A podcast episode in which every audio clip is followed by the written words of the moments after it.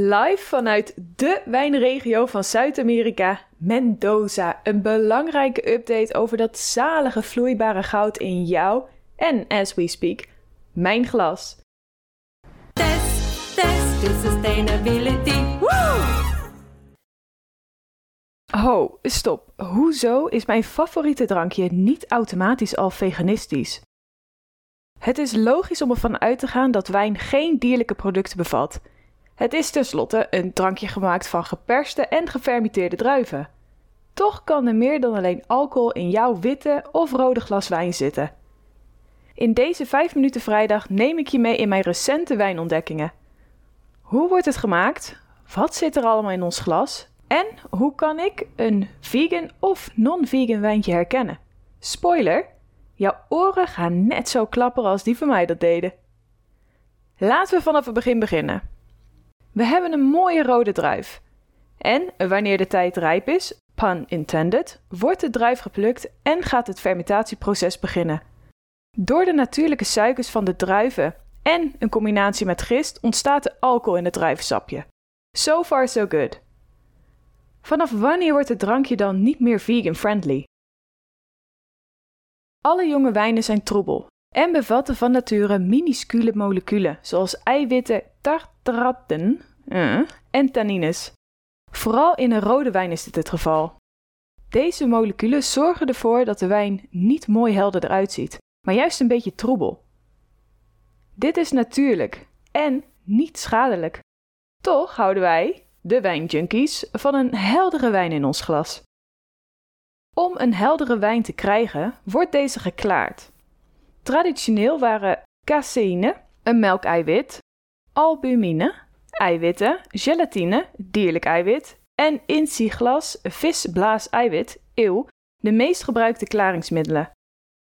Tijdens mijn bezoeken aan de wijnhuizen in deze regio de afgelopen dagen stelde ik de klaarvraag aan de wijnmakers. De een gaf aan dat zij hun wijn alleen op een natuurlijke manier filteren. De ander vertelde dat zij hun wijn klaren met een combinatie van eiwitten, van aardappel en eieren. Dit is overigens geen toevoeging aan de wijn, maar slechts een middel om de wijn te klaren. Na het klaren van de wijn hebben deze dierlijke producten geen doel meer en worden ze uit de wijn gehaald. Toch niet een heel lekker idee.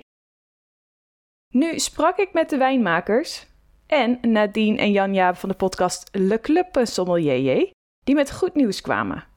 Tegenwoordig wordt er steeds meer gebruik gemaakt van diervrije alternatieven om de wijn te klaren, zoals het gebruik van pentoniet, een soort klei.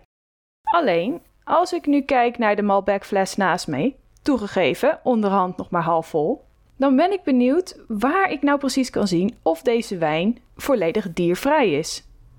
Ik draai namelijk deze fles om en ik zie alleen maar informatie over de wijns afkomst en de smaak die ik kan verwachten. Leuk om te weten, maar uh, er ontbreekt nog een hoop. Gek eigenlijk, hè? Als je in een supermarkt bijvoorbeeld een yoghurtpakje pakt, kan je tot in de details lezen wat er allemaal in zit. Maar voor een wijntje mag je gaan raden. Het is in de EU namelijk niet verplicht om te vermelden wat er precies in de wijn en het maakproces gaat. Dus hoe kan je een veganistisch wijntje herkennen? Als er op de fles staat dat de wijn organisch, biodynamisch, natuurlijk of kosher is, betekent niet automatisch dat het ook veganistisch is. Sommige flessen vermelden dat de wijn ongefilterd is. Dat kan dus dan duiden op een veganistische wijn. Ook kan je tegenwoordig steeds vaker het vegan logo spotten op de fles. Handig, maar onthoud wel dat dit logo gekocht moet worden. Een dure grap voor veel wijnmakers, waardoor ze er ook vaak voor kiezen om het maar niet te doen. Dat betekent dat er dus veel meer wijnen zijn die wel vegan friendly zijn, maar het gewoon niet laten zien. Het komt dus ook steeds vaker voor dat het klaren van de wijn zonder dierlijke producten wordt gedaan. Maar ook hier, het blijft voor ons als de wijnliefhebber, de drinker, giswerk. In de show notes heb ik een website toegevoegd waar je kan controleren of jouw wijn veganistisch is. Er staat een hoop in, maar natuurlijk nog lang niet alles. Ook kan je de vraag stellen aan jouw wijnboer. Je kan dan af en toe wat vragende blikken krijgen, maar uit mijn ervaring kan ik vertellen dat vervolgens vaak in het onderwerp wordt gedoken. Grote kans dus dat als je de keren erna weer terugkomt voor een mooie fles, er wellicht wel een mooie vegan fles al voor je klaar staat. Dus ik zeg cheers. Geniet van de wijn en ik hoop dat je wat aan deze aflevering hebt gehad. Test. Ja, dat was hem weer. Ben jij ook weer zo ontzettend geïnspireerd om je leven een stukje groener te maken? Nou, ik wel.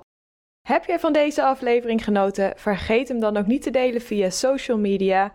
Of deel deze aflevering met iemand waarvan jij denkt, die kan hem goed gebruiken. Tot de volgende aflevering.